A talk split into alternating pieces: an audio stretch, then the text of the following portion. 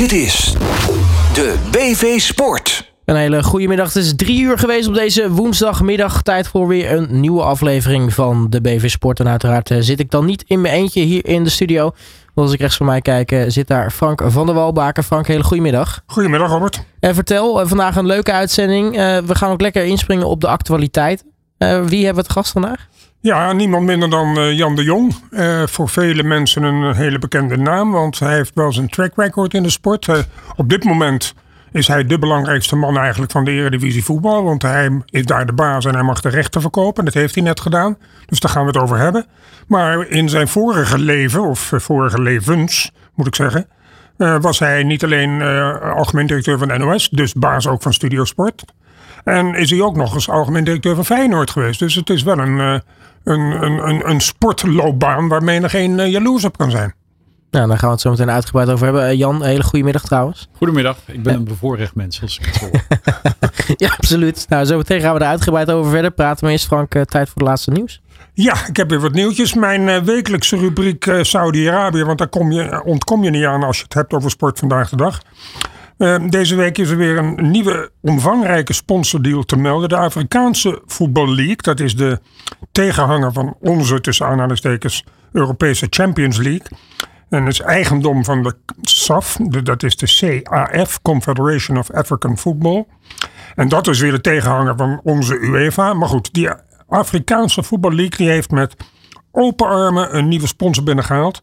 En dat is Visit Saudi. Dat is het toeristenbureau van Saudi-Arabië. Heeft getekend voor meer, meerdere jaren voor maar liefst 200 miljoen dollar als een van de hoofdsponsors van die uh, Afrikaanse Voetbal League. Uh, Visa was reeds aan boord, de creditcard. Uh, maar ik ga ervan uit dat dat aanzienlijk minder heeft opgeleverd dan die 200 miljoen van Visit Saudi. Overigens tegelijkertijd maakt Visit Saudi bekend global partner te worden van de Asian Football Confederation, de AFC. En Visit Saudi is overigens weer onderdeel van, ja, het is woord wat te ingewikkeld, maar ik meld het toch even van het, waar ik het ook regelmatig over heb, het Public Investment Fund vanuit Saudi-Arabië, PIF. He, dat, en dat weet jij inmiddels, Robert, want ik meld het bijna elke week. elke week over. 650 miljard dollars in kas heeft om het land te positioneren. Vooral dankzij of met medewerking van de sport. Overigens de eerste editie van die African Football League met acht teams uit Angola, Congo, Egypte, Marokko, Nigeria, Tunesië en Zuid-Afrika. Oh nee, Zuid-Afrika en Tanzania. Wordt gespeeld in de periode 20 oktober tot 11 november. En dat is in een toernooivorm. Het is dus nog niet in een competitievorm, maar dat zal in de toekomst ongetwijfeld nog gaan veranderen. Dat is eigenlijk een soort van wat de UEFA idee had, of nou niet UEFA, maar de, de, de Angelis van deze wereld, eigenlijk een soort van Super League, maar dan in Afrika. Ja, en in, in een toernooivorm, in één periode van tijd. En dus niet een competitie door het hele seizoen gespreid, zoals de Champions League. Hm. Dan ga ik het even hebben over de Olympische Spelen natuurlijk. We leven in het jaar voor. Parijs 2024 komt eraan. Uh, in de aanloop van Parijs heeft het IOC nu officieel besloten dat Rusland definitief is uitgesloten van deelname. Uh, tegelijkertijd is nog niet besloten of individuele atleten kunnen mogen meedoen onder neutrale vlag. Uh, daar zijn de meningen nog zeer over verdeeld. Meer dan 30 landen zijn zwaar tegen deelname, deelname van Russische atleten. En niet de geringste landen, onder andere het Verenigd Koninkrijk, Frankrijk en Duitsland. Ik weet eigenlijk niet hoe Nederland hierin staat ten opzichte van individuele atleten. Weet jij dat toevallig, Jan? Ik geloof dat Nederland geen voorstander is. Oké. Okay. Maar goed, dan over de Olympische Spelen gesproken. We weten natuurlijk prijs volgend jaar. In 2028 wordt het Los Angeles. In 2022 Brisbane, Australië. En in 2036 zijn er tot nu toe de volgende kandidaten die zich gemeld hebben. Dat is Mumbai in India, Polen, Indonesië en Mexico. Dus dat wordt nog een race. Nog even terug naar de Spelen van LA in 2028. Er zijn nieuwe sporten uh, goedgekeurd, ja. recentelijk. En dat zijn squash, cricket, honkbal, softbal, lacrosse en vlagvoetbal. Ik moet je eerlijk zeggen, ik ben een sportidioot. En ik denk dat ik behoorlijk wat weet van sport, maar ik had nog nooit van vlagvoetbal gehoord. Maar ik heb voetbal het... is een soort American voetbal, maar dan dat je heb je aan de zijkant van je heupen twee lintjes zitten en die moet je dan afpakken. En als dat gebeurt, ja. krijgt de ander uh, het spel. Dus dat is een softe vorm van American football. Op de basisschool wordt het veel gedaan. beoefend? Nou, in Nederland ook trouwens. Oh ja? Ja, ja. U- Utrecht Dominator schijnt, eh, schijnt heel goed te zijn. eh. Ja, en het, en het is een instapmodel voor American football. Omdat Oké. je voor American football heb je natuurlijk allerlei uitrustingen nodig. Het is best duur. Dat klopt. Eh, ja, dat weet jij als geen ander. Eh, en ondanks die dure bescherming heb jij toch geblesseerd Ja. geraakt met dat American football. Maar eh, dat is een lichte variant eh, van de American football. Ja. Ja, want ik heb het als kind op de basisschool bij Gym ook gespeeld. Mhm, Oké. Wat ik overigens niet begrijp is eh, in Parijs, en dat het past helemaal in het streven van, de, van het IOC en zeker van Thomas Bach, de voorzitter, om eh, te werken aan verjonging, eh, meer jeugd eh, te- naar de Spelen te krijgen, interesse te kweken voor de Spelen. In Parijs worden we geconfronteerd tussen aanhalingstekens met een nieuwe sport breakdowns. Hè, spreekt de jeugd aan. Nederland is er overigens goed in. Ja. Hè, maar het is in Los Angeles dus alweer, nu alweer geschrapt. Dus dat wordt eenmalig in Parijs goedgekeurd. En dat begrijp ik dan weer niet in het kader van het streven naar de jeugd, naar de Spelen toetrekken. En meer in belangstelling. Ook voor de, dat het niet alleen maar grijze mensen zitten te kijken naar de Olympische Spelen op televisie, maar ook jeugd. Maar Ja. ik denk dat ze vooral, dat zie je bij het lijstje wat je net opzomde, op zoek zijn naar meer geld. En sporten waarvan ze zeker weten, daar is interesse in en ook geld beschikbaar. Je, je ziet gewoon de waarde van de Olympische Spelen dalen.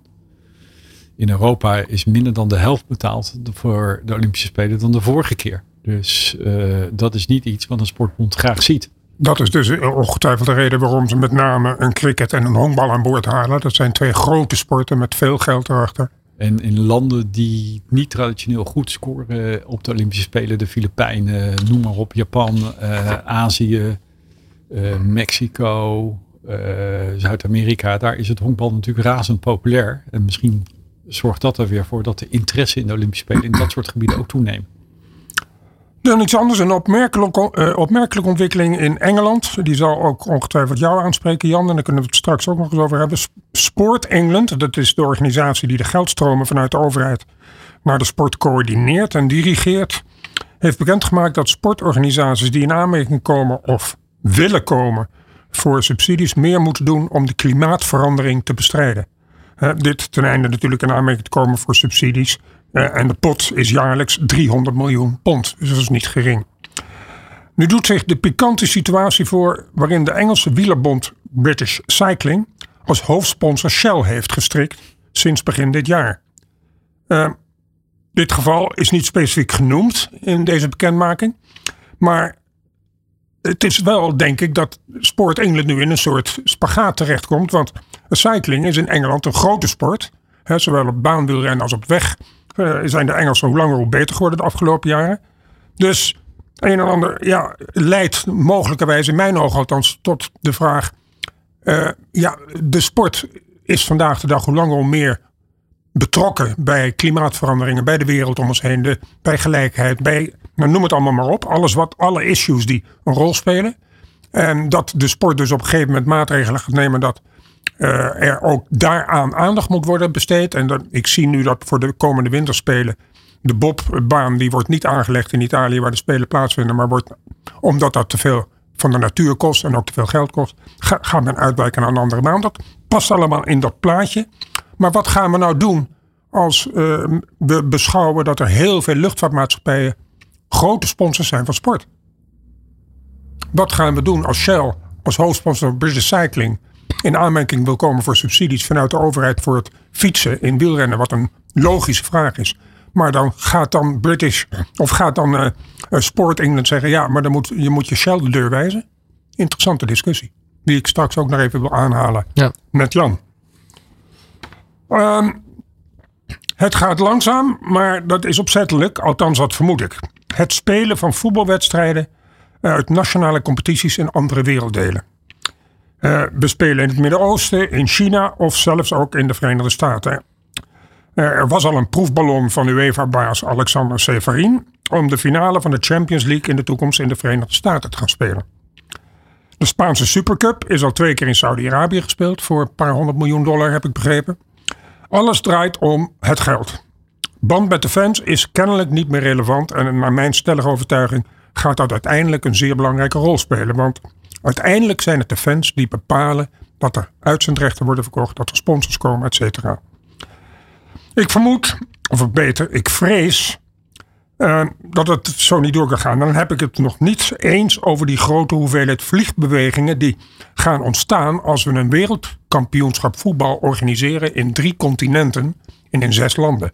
Hè, wat in 2034, eh, in 2030 het geval zal zijn op drie continenten: Zuid-Amerika, Afrika en Europa. Wat een absolute onzin om dat zo te doen. Nu schaart ook nog eens de Franse Ligue 1, toch niet de meest populaire competitie in de wereld, zich in deze malaise.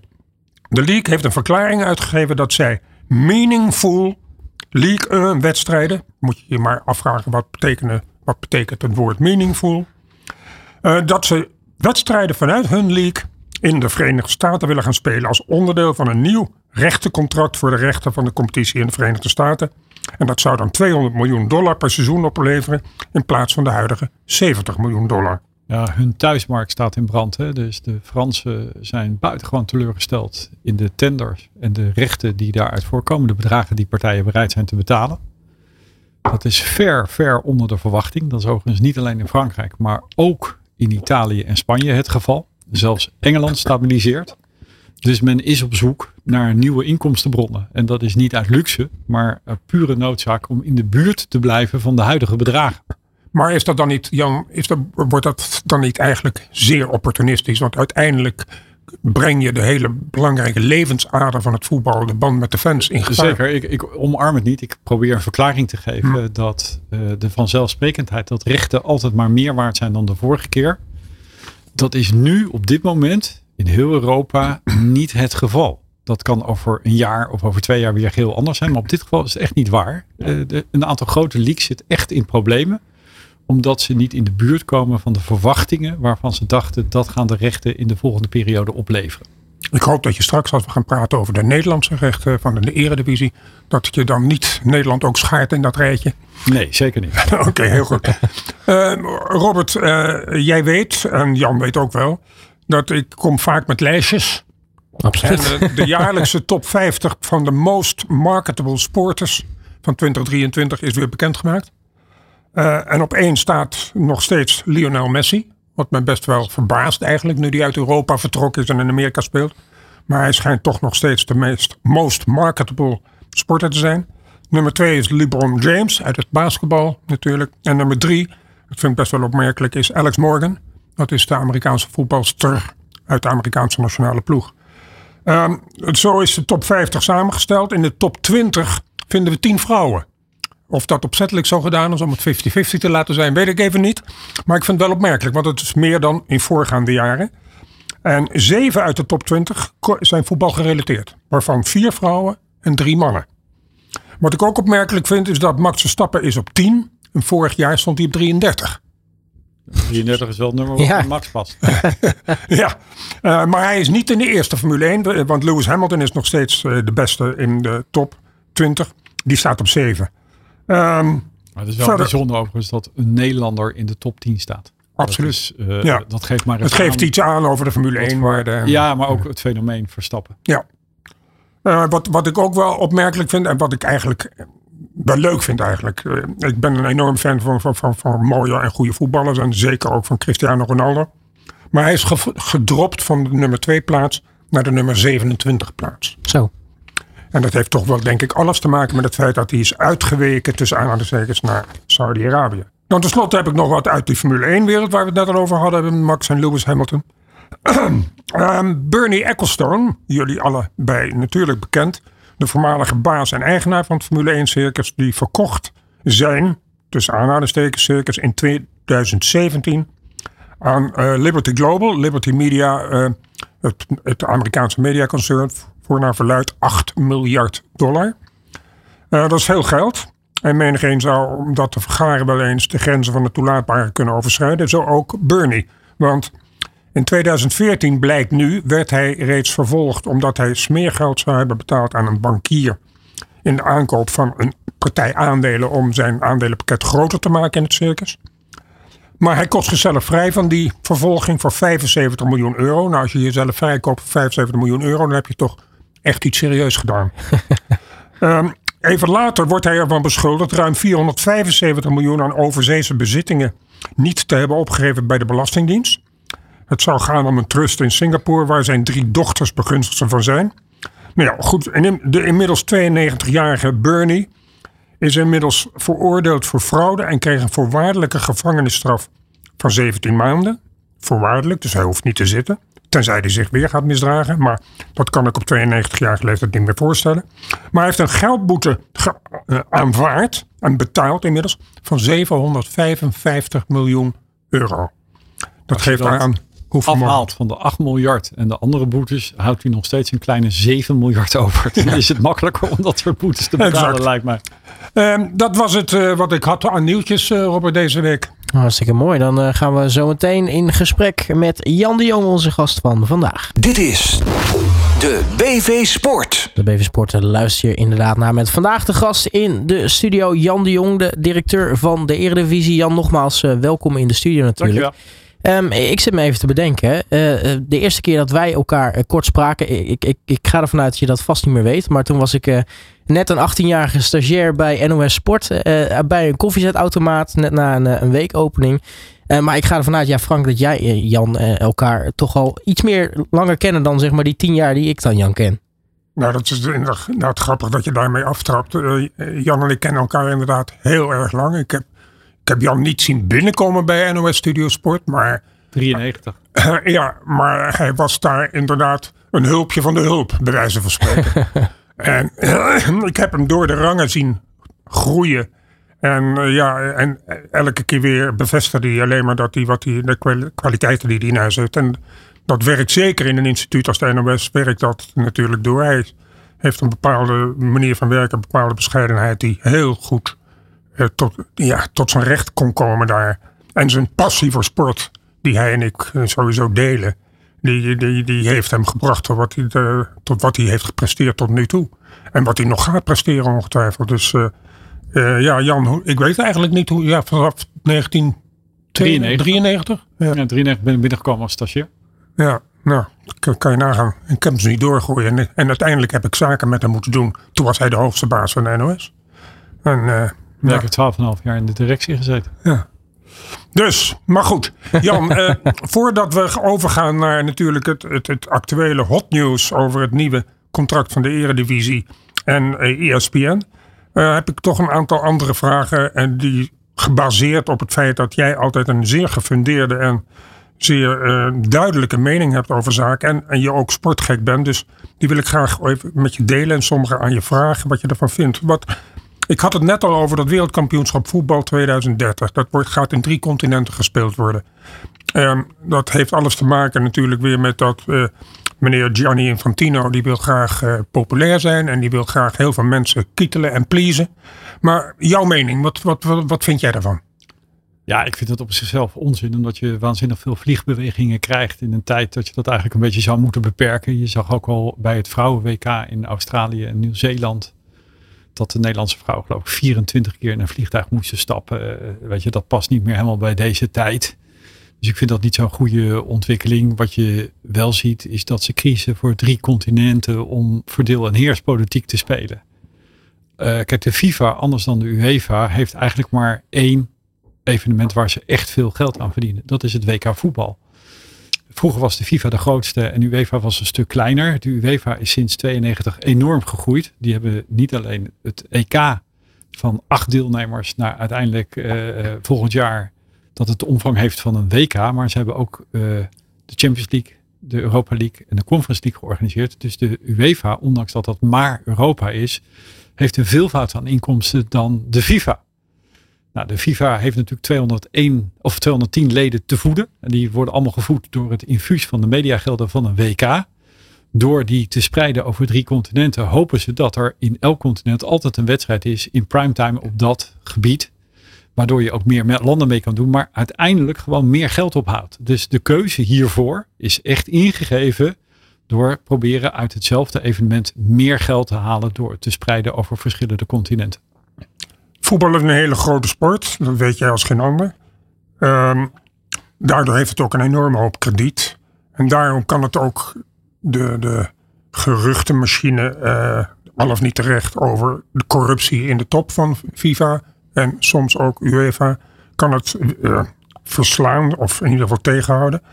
Maar zou, wordt het niet eens tijd in het kader van die corruptie, uh, al of niet terecht geruchten, om op te staan? Uh, we hebben het One Country, One Vote systeem.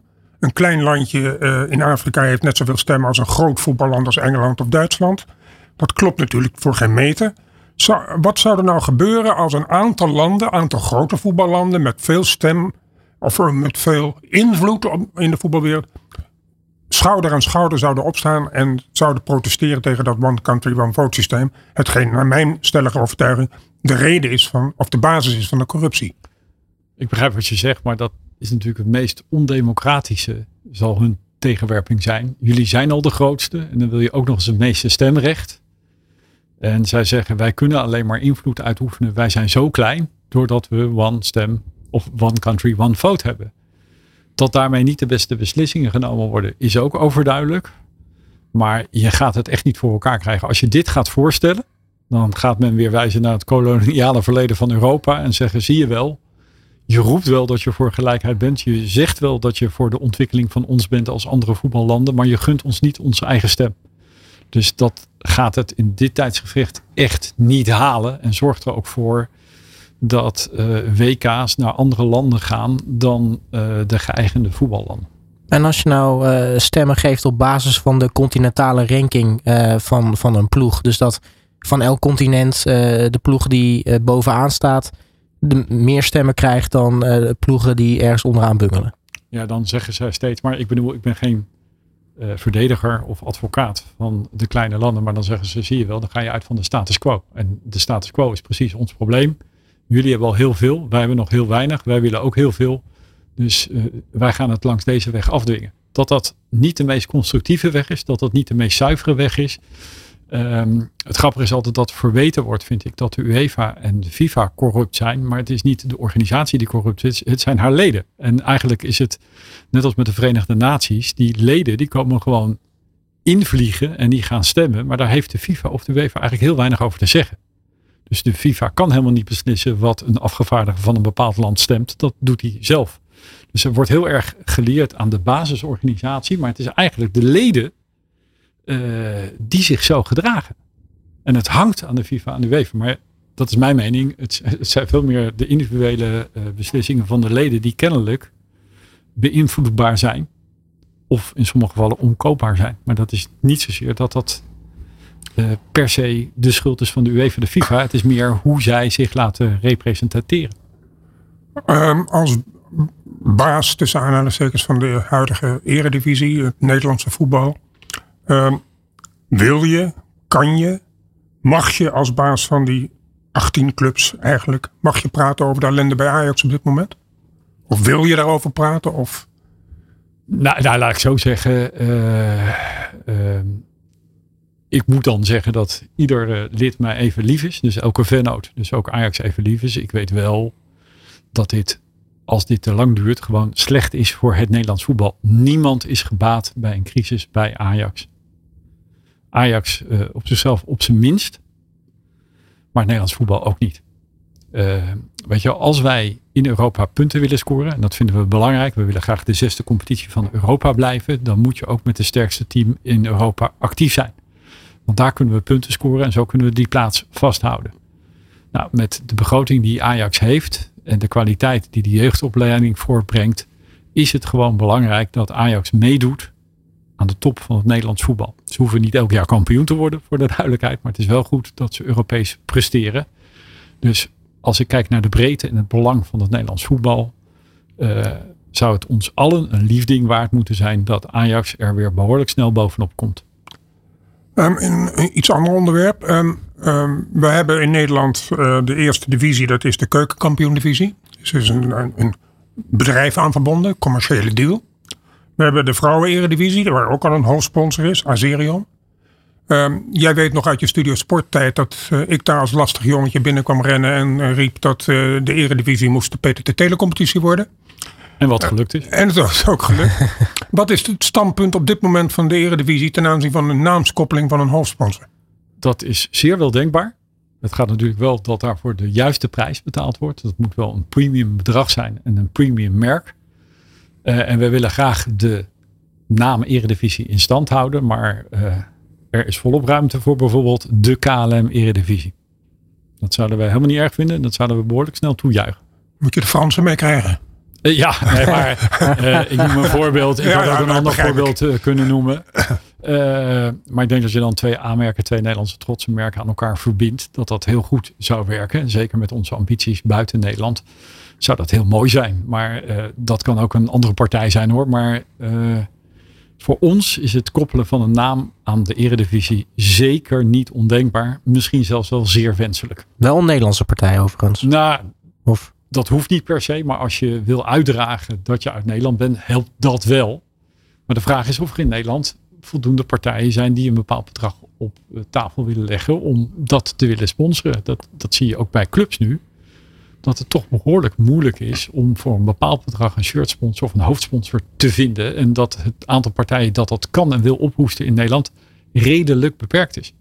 Daar zijn er niet zoveel van. En zou je op dit moment, stel, uh, hypothetisch, dat er zich nu een gokbedrijf zou aanbieden. Zou je daarmee willen praten of zou je al onmiddellijk de deur dichtgooien? Nou, het mag niet meer. Dus het is heel simpel. Uh, in Nederland kan je daar niet meer over praten. Uh, dat is iets anders voor loterijen. Dat mag nog wel maar niet meer voor gokbedrijven. Die wet is gesloten, dus je kan als eredivisie, of je nou zou willen of niet, en welk bedrag ze ook op tafel leggen, binnen Nederland kan je dat niet meer afsluiten. Dat heeft de Tweede Kamer uh, onmogelijk gemaakt. Dan was Nation nog net op tijd voor de tweede divisie dan? Uh, zeker, maar dat moest uh, even uit mijn hoofd voor 1 juli 2023 plaatsvinden. Ja. En dat zal ongetwijfeld vlak voor 1 juli 2023 hebben plaatsgevonden. Um, als je het voetballandschap op dit moment in eh, Europa bekijkt, dan zien we in toenemende mate buitenlandse investeerders. vanuit het Midden-Oosten, vanuit het Verre Oosten, maar met name ook vanuit uh, Amerikaanse private equity fondsen. Um, overal lees ik voorspellingen dat dat zich zal doorzetten, omdat gewoon in de voetballerij, zeker in Europa, nog veel winst te boeken valt. Als je het goed doet, tenminste. Uh, en met goed doen bedoel ik niet alleen op het veld, maar ook rond het veld en in de organisatie van een, uh, een BVO, een betaald voetbalorganisatie.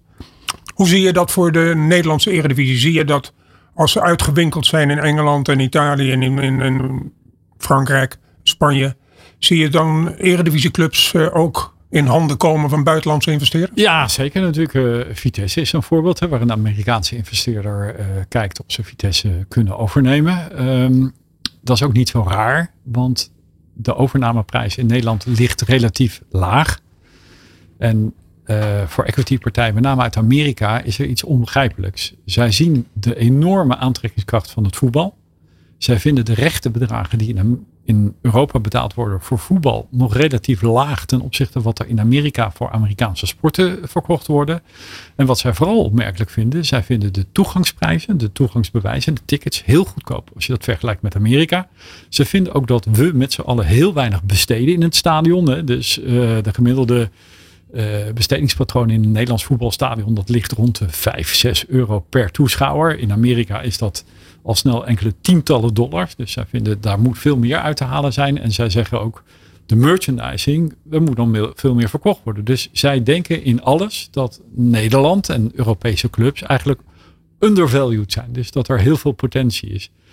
De werkelijkheid is weer wat weerbarstiger. En dan zie je dat ook als Amerikanen instappen in Europa, zij moeten wennen aan de wetgeving. Het feit dat wij hier uh, sport als een sportcompetitie zien en niet als topamusement. Dus je hebt niet een draft of je kan wel degraderen. En de kwetsbaarheid en de maakbaarheid van de sport is in Europa een stuk kleiner dan in Amerika. Dus ze, ze, ze lopen vaak met hun neus tegen de muur aan, omdat ze denken, wij vanuit Amerikaans perspectief weten hoe het moet. Maar als ze dan het stuur in handen hebben, blijkt dat toch wel heel erg tegen te vallen. Zie je ook de Glazer Family en uh, bij Manchester United. Dus de maakbaarheid van de sport in Europa is een stuk weerbarstiger. Maar ze hebben steeds het idee, uh, er zit nog veel meer potentie in. Um, een laatste vraag voordat we gaan beginnen aan het, het verhaal van het, het, nieuwe contract voor ESPN. Um, ehm, geloof jij um, met jouw vooruitziende blik over het voetbal, de ontwikkelingen ervan, geloof jij in een supercup? Een Super League? Als, tegen, als Super League, als tegenhanger voor de Champions League? Een initiatief vanuit de clubs, geloof je daarin? Nou, wat je eigenlijk ziet is, er is al een Super League. En die heet uh, Champions League. En uh, de Champions League groeit van 32 naar 36 clubs. Van 125 wedstrijden naar 185 wedstrijden. Dat betekent dat er steeds meer Europees gespeeld gaat worden. De grote landen krijgen ook meer tickets. Hè. In Engeland uh, krijg je mogelijkerwijs vijf vaste tickets in de Champions League. En dat voor clubs als Barcelona, Real Madrid, die razendsnel gegroeid zijn van een begroting van 100 miljoen, 200 miljoen, 400 miljoen naar een kleine miljard.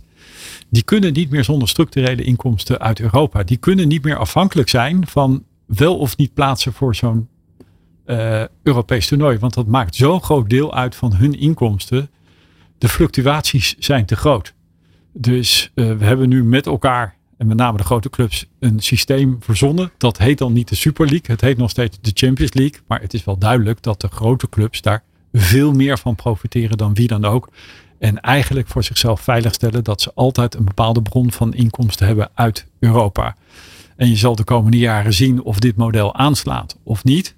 En daarmee uh, zullen ze of verder daarmee gaan en een groter deel van de koek naar zich toe eigenen. Maar ik zou zeggen, er is een Super League. Die is geboren, alleen hij heet nog Champions League. Dan Jan, gaan we over naar de rechte situatie. Het rechtencontract met Disney's ESPN. Um, kan je onze luisteraars eerst eens even uitleggen hoe en welke partijen nu eigenlijk op het speelveld staan? Want ik bedoel, we hebben de Eredivisie, CV, 18 clubs. En we hebben de KNVB als eigenaar tussen aanhalingstekens van het voetbal. We hebben ESPN.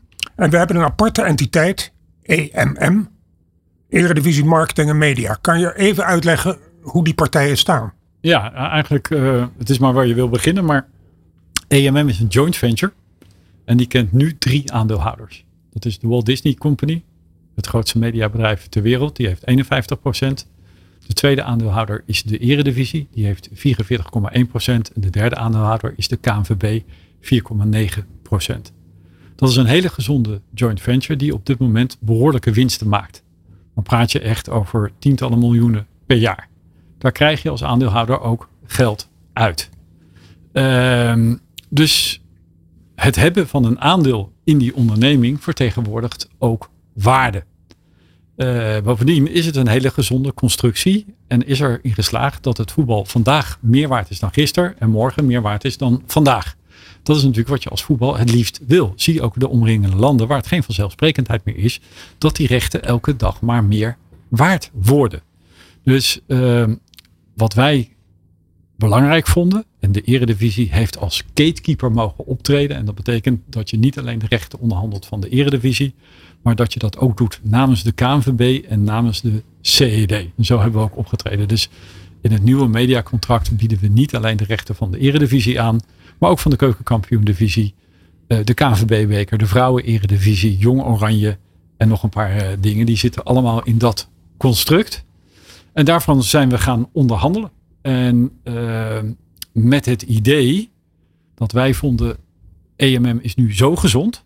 Daar wordt de afgelopen jaren zoveel winst gemaakt dat een groter deel van die winst structureel naar het Nederlands voetbal moest komen. Lees de Eredivisie, de Keukenkampioen-divisie en de KVB-beker. Dus uh, de framing dat een groot deel van het geld in Amerikaanse handen zou komen door dit is niet waar. Omdat wij een heel groot deel van de winst die nu in de onderneming zit, die is omgezet in een vaste license fee en een gegarandeerd bedrag, ongeacht of die joint venture, EMM, de omzet haalt, ja of nee. Ik weet niet of ik te volgen ben, maar uh, het bedrag wat je gegarandeerd kreeg is gewoon uh, sterk gestegen.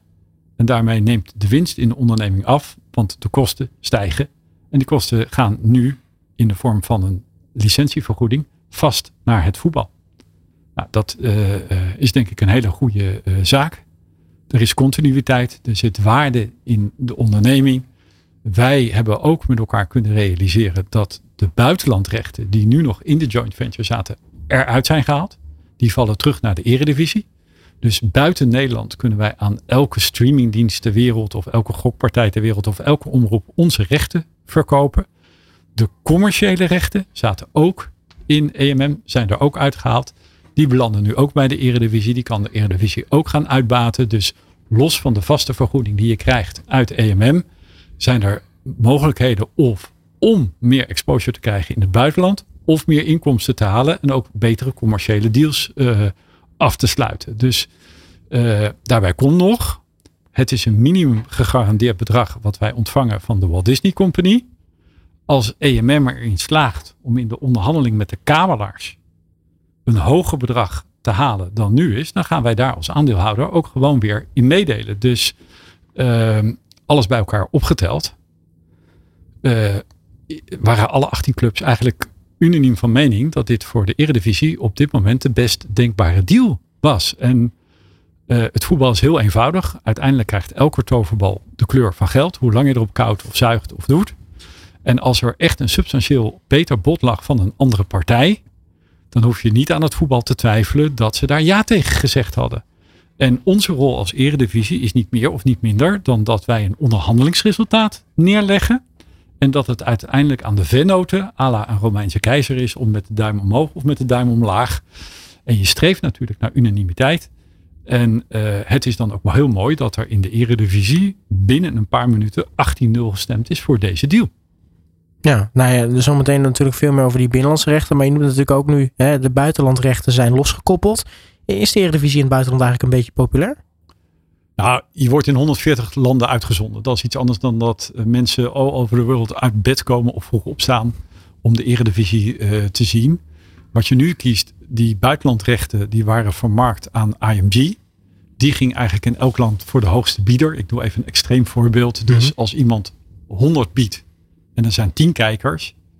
En iemand anders biedt 50, maar die heeft een miljoen kijkers. Dan koos IMG voor die 100, want zij moesten geld ophalen. En wij hebben nu dadelijk een hybride vorm waar wij kunnen zeggen: in sommige landen is het hebben van exposure veel belangrijker dan het ophalen van geld. Dus wij kunnen nu gaan kiezen, samen met de vennoten, samen met de clubs, wat de ideale strategie is. En dan heb je een paar voorkeurlanden waar je je op richt, waarvan je denkt: ja, daar is misschien wel exposure veel belangrijker dan dat je nog een klein beetje geld ophaalt. Ehm, even terug naar die, ehm, die aparte entiteit als ESPN, dus nu degene die de beelden gaat brengen naar de consument. Als die 51% van de aandelen bezit, is het dan niet zo dat er geen fair playing field is om te onderhandelen? Ja, zeker wel, want kijk, um, ehm, ESPN en dus Disney staat garant voor het totale bedrag, ongeacht of er iets opgehaald wordt, ja of nee. Maar we praten in dit geval over honderden miljoenen over een duur van vijf jaar. Dus die zijn erbij gebaat om de markt zo goed mogelijk te verkennen. Op voorhand is ook niemand uitgesloten.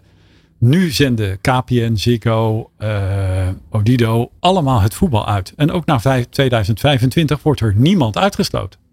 En het mooie aan dit systeem is, de kabelaars kunnen dadelijk zelf bepalen, KPN kan zelf bepalen of ze het voetbal willen uitzenden en of ze akkoord gaan met de voorwaarden. Dus niemand wordt gedwongen om het uit te zonden, maar veel belangrijker, niemand wordt uitgesloten bij de deal. Dus het is ook niet zo aan een klassieke licentiedeal dat je exclusief voor een bepaalde, recht, een bepaalde periode de rechten hebt. Wat we alleen hebben voortgezet is de exploitatie. Joint venture, die exploitatie die uh, de rechten verkoopt of uitbaat in Nederland. En dat doe je het liefst aan zoveel mogelijke partijen, aan zo gunstig mogelijke voorwaarden. En als je erin slaagt die voorwaarden voor het voetbal nog aantrekkelijker te maken, is er nog veel meer geld beschikbaar voor het voetbal dan de garantiebedrag wat je dadelijk sowieso gaat ontvangen, ook al wordt er niks verkocht. Misschien even kort de bocht, maar wat levert het nou eigenlijk op? Want we hebben het in voetbal altijd alleen maar over poen. Uh, wat levert het op? Nou, ik geloof dat jullie wel in de eh, publiciteit hebben kunnen lezen waar het ongeveer tussen bedragen. Ik vind het niet netjes aan mij, omdat hier, dat is natuurlijk vertrouwelijke informatie. Maar het is duidelijk dat het voetbal er tientallen procenten op vooruit gaat ten opzichte van de huidige deal. En dat is ook logisch, want het Nederlandse voetbal is ook populair. En je ziet dat er een chronisch gebrek aan content is. En dat het voor sommige partijen ook heel erg belangrijk is om het voetbal te kunnen uitzenden. Dus wij hebben een keuze gemaakt voor ESPN. Die is A, het grootste mediaconcern ter wereld. De bedragen ze zijn gegarandeerd. Wij krijgen vrijheden die we in het verleden niet hadden met de buitenlandverkoop en de commerciële activiteiten. Ehm, maar er zat ook nog een schuld in de joint venture van 350 miljoen. En die is per direct dan op 1 juli 2025 kwijtgescholden. Nou, dat is een hele prettige situatie. Na 2030 daar, nog veel meer vrije. De aparte entiteit veel meer waard. daarmee is per eigenlijk vandaag die entiteit veel meer waard. Dat zou ook kunnen betekenen dat als je het echt zou willen, je zelfs met uh, vreemd kapitaal een deel van je eigen aandelen zou kunnen vervreemden als je geld nodig zou hebben. Dus dat is een unieke constructie. Maar wat eigenlijk een hele belangrijke afweging is, en dat wordt vaak onderschat, vind ik. Kijk, de Eredivisie is 34 speelronden voetbal. De Keukenkampioen-divisie is 38 weken speelronde. Maar dat betekent dat je uh, respectievelijk 14 en 18 weken geen inhoud of geen content hebt. In de omgeving waar wij nu zitten, vult ESPN dat met uh, andere sporten en met randprogrammering. Als je ingegaan was op een nieuw model, had je ook die andere weken allemaal zelf moeten vullen. Dat kost allemaal geld. En we hebben nu een mix in Nederland. En dat is een unieke mix in de wereld. Dat ESPN 1 in 90% van de huishoudens te zien is. En uh, zoals jij weet zijn de televisieinkomsten ook in het nieuwe contract relatief een klein aandeel in de totale begroting van Nederlandse clubs. Maar zijn sponsorcontracten nog steeds heel erg belangrijk. En in de mix die we nu hebben, zorgt eigenlijk dat je beide hebt. Je gaat meer mediagelden ontvangen en tegelijkertijd hou je het bereik overeind. Wat weer belangrijk is voor clubs om uh, sponsors aan zich te binden. Jan, ik respecteer dat je geen, uh, begrijp ik ook, dat je geen bedragen wilt noemen. Uh, maar zit ik er ver naast als ik zeg uh, vijf jaar 750 miljoen? Dan is altijd maar de vraag wat ver naast is, maar dat is geen onwezenlijk bedrag. Nee, zeker niet. Met de kans op meer. Dat wordt heel erg vergeten. Dus als je erin slaagt of om meer geld uit het buitenland te halen, of meer geld uit commercie te halen, of dat EMM erin slaagt in de onderhandelingen met de kabelaars een hogere vergoeding af te dingen dan dat ze nu reeds hebben, kan dat nog aanzienlijk meer worden. En jullie hebben doelbewust gekozen voor vijf jaar in plaats van tien jaar. Um, is dat omdat je verwacht dat uh, als je tien jaar wacht, dat dan nee. vijf jaar dat je meer gaat stijgen? Nee, de, de, eerlijkheid gebied te zeggen, dat, dat, dat kent echt een heel andere historie. We hadden eigenlijk dertien punten die uh, wij, Eredivisie en de clubs met elkaar wilden realiseren. En je moet even weten, we hadden een klankbordgroep. Daar zaten zes clubs in. Ajax, Feyenoord, PSV, AZ, Vitesse en RKC.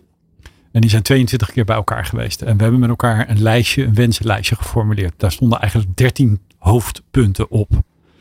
Uh, eigenlijk vrij snel hadden we met elkaar in februari vorig jaar al 12 van de 13 punten gerealiseerd.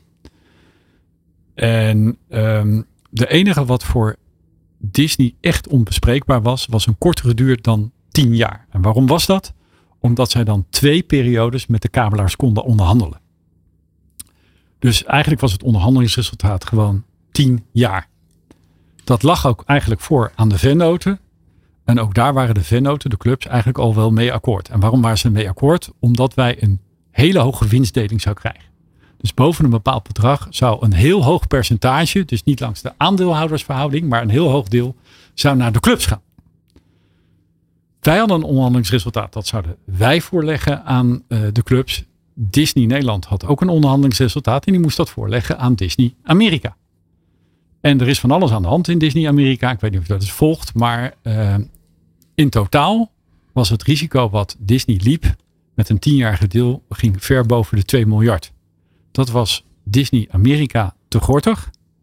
En toen heeft Disney Amerika een voorstel gedaan. De 10 jaar deal die we hadden als onderhandelingsresultaat gaat niet door. We maken daar een vijfjaarsdeal van. Dus uh, het is geen onderhandelingsresultaat van ondergetekende. Het is geen onderhandelingsresultaat van de clubs. Het is geen onderhandelingsresultaat van wie dan ook, wie dat claimt. Het is gewoon de bittere realiteit dat Amerika terugkwam. We geven geen groen licht voor 10 jaar, maar wel voor vijf jaar. Nou, daarmee was het dertiende box ook aangevinkt. Want dat wilden we het liefst. Dat dan na vijf jaar. En zo is het gegaan. In, de, in de onderhandelingen is er dan ook nog op een gegeven moment sprake van dat de, in dit geval de entiteit zegt of uh, Disney zegt. Um, ja, die samenvattingen bij de NOS, um, dat is allemaal wel goed en wel. En dat is in, in het patroon van de Nederlandse sportconsument een uh, ja, bord op schoot in uh, zeven uur zondagavond. Is dat nog een onderhandelingspositie geweest dat ESPN zou zeggen, nou, die samenvattingen willen wij ook hebben? Uh, nee, kijk, zij kunnen ervoor kiezen, even voor de duidelijkheid, om die samenvattingen uh, zelf te houden. Moet dan wel voldoen aan de mediawet en de evenementenlijst, maar daar kunnen ze voor kiezen als ze het dan maar openzetten en voor iedereen toegankelijk. Maar in die joint venture voeden de inkomsten van de samenvattingen, in dit geval de NOS, ook het model van de joint venture. Dat is naast de kabelinkomsten, naast de buitenlandverkoop, naast de Buma stemrechten, naast uh, uh, een aantal sponsorrechten, is een deel van de inkomsten ook natuurlijk de samenvattingsrechten. Dus als je die niet verkoopt, wat tot de mogelijkheden zou behoren, dan mis je ook een deel van je inkomsten in de joint venture. En aangezien Disney voor dat bedrag wat jij noemde, en misschien nog wel ietsje meer, uh, garant staat, is het natuurlijk wel fijn dat er ook gevoed wordt in het model. Er is geen enkele beslissing genomen over de samenvattingen na 2025. Niet tegen de NOS, niet voor de NOS. Gewoon, het is helemaal niet ter sprake gekomen. Behalve dat het uitzenden van de samenvattingen door een goede partij die daar een fatsoenlijk bedrag voor over hebt, voor alle partijen belangrijk is. Maar er is niet toegewezen, er is niet afgewezen. Het is gewoon, die samenvattingen blijven wel in de joint venture. En op enig moment moeten die aangeboden worden aan partijen die geïnteresseerd zijn. Um, even toch een ander onderwerp. Wel, weliswaar natuurlijk voetbal en weliswaar eredivisie. Maak je je ongerust over de, de, toenemende mate waarin wedstrijden moeten worden gestopt. Of de ellende op de tribunes. Dat schaadt je product. Ja, uh, zeker. Uh, dat komt wel omdat je veel strenger bent gaan controleren. Hè. Dus als wij met elkaar overal camera's zetten op elke weg, zal je zien, hé, er wordt toch wel harder gereden in Nederland dan we denken. Dus we zijn heel erg gaan handhaven. Uh, er zijn weliswaar veel wedstrijden stilgelegd, maar relatief weinig gestaakt. Ik durf te zeggen, als je constant een camera neer zou zetten op openbare gelegenheden, uh, op het onderwijs, uh, op festivals, daar waar grote groepen mensen komen, dat je schikt hoe mensen zich gedragen. Bij ons is altijd alles heel erg zichtbaar, omdat alles in beeld wordt genomen. Tegelijkertijd, en daarmee bagatelliseer ik het zeker niet, tegelijkertijd is de interesse in voetbal enorm groot. Dus we verkopen een record aantal seizoenkaarten met elkaar. We hebben de derde beste bezettingsgraad in Europa van de stadions. Iets van 86% van de plaatsen zijn bezet. Het gaat gelukkig ook goed bij de clubs en hun uh, zakelijke partners. Dus de interesse in het product, ondanks dat er een heleboel lelijke kanten aan zitten, die is eerder toegenomen dan afgenomen de afgelopen jaar. Dus het is maar naar welk beeld je kijkt. En wij zijn de mening toegedaan als competitiebestuur dat je moet zorgen dat het een veilige omgeving op het veld is. Zodat spelers, scheidsrechters, trainers gewoon dat kunnen doen waarvoor ze zijn uh, ingehuurd. Dat is vermaak, maar vooral voetballen. En dat onder de best denkbare omstandigheden. En daar hoort ook een bepaald gedrag bij, vinden wij, van de supporters. En dat is niet goed te praten. We hadden ook de makkelijke route kunnen kiezen door dat niet te doen. Dan zou je ook zeggen, nou het valt allemaal best wel mee in Nederland. Maar wij vonden dat er paal en perk aangesteld moest worden. En tot op de dag vandaag ben ik de mening toegedaan. Het begint, blijft en uh, is echt dat supporters in een stadion zich normaal dienen te gedragen. Vind jij het handhaven van het gedrag in de stadions, vind jij dat een verantwoordelijkheid van de clubs of een verantwoordelijkheid van de lokale overheden? Nee, het, het, veel meer. Het is volgens mij een nationaal probleem wat zich manifesteert in het openbaar vervoer, in het onderwijs, in het uitgangsleven en op publieke domeinen. Dat kan het voetbal helemaal niet, want het voetbal is daar veel en veel te klein voor. Wij hebben ook geen geweldsmonopolie. Dat ligt in het land gelukkig bij de politie. We gaan ook niet over wetgeving. Dat ligt uh, uh, bij het kabinet en de Tweede Kamer. Uh, dus we hebben een convenant afgesproken. Een routekaart samen met de overheid, de politie. Om dat strenger te gaan aanpakken. Wij zijn voor handhaving in het stadion. Hè. Dat is onze rol van een voetbalclub. Daarbuiten is het aan de politie en uh, de overheid. Dat betekent ook dat een digitale meldplicht, dat moet de politie regelen. Het uh, omzetten van civiel straf, uh, civielrechtelijk vervolgen van iemand die zich misdragen heeft, moet strafrechtelijk worden. Maar dat kunnen wij niet. Dat moet in de Tweede Kamer geregeld worden. En de Tweede Kamer en minister van Justitie heeft toegezegd dat ze daar invulling aan gegeven. Zoals de politie vorige week aangekondigd heeft dat er in drie steden begonnen wordt met een digitale meldplicht. Nou, dat zijn stapjes op het bord die strikt noodzakelijk zijn om uh, eigenlijk een van de strengste voetbalwetten die er al is in Nederland. Hè, die is veel strenger dan we vaak denken. Dat we dat ook letterlijk kunnen handhaven. Jan, we zitten alweer aan het einde van onze, periode, van onze tijd. Ik heb toch nog één korte vraag, want ik kan uren met je doorpraten. Um, hoe belangrijk en hoe blij was je afgelopen maandagavond met de 1-0 winst op Griekenland? Ja, dat is natuurlijk super belangrijk. Uh, weet je, een groot voetballand als Nederland kan en mag niet ontbreken bij een EK waar zoveel mensen deelnemen. Bovendien, weet je, het Nederlands elftal is het ultieme visitekaartje van het Nederlands voetbal in de wereld.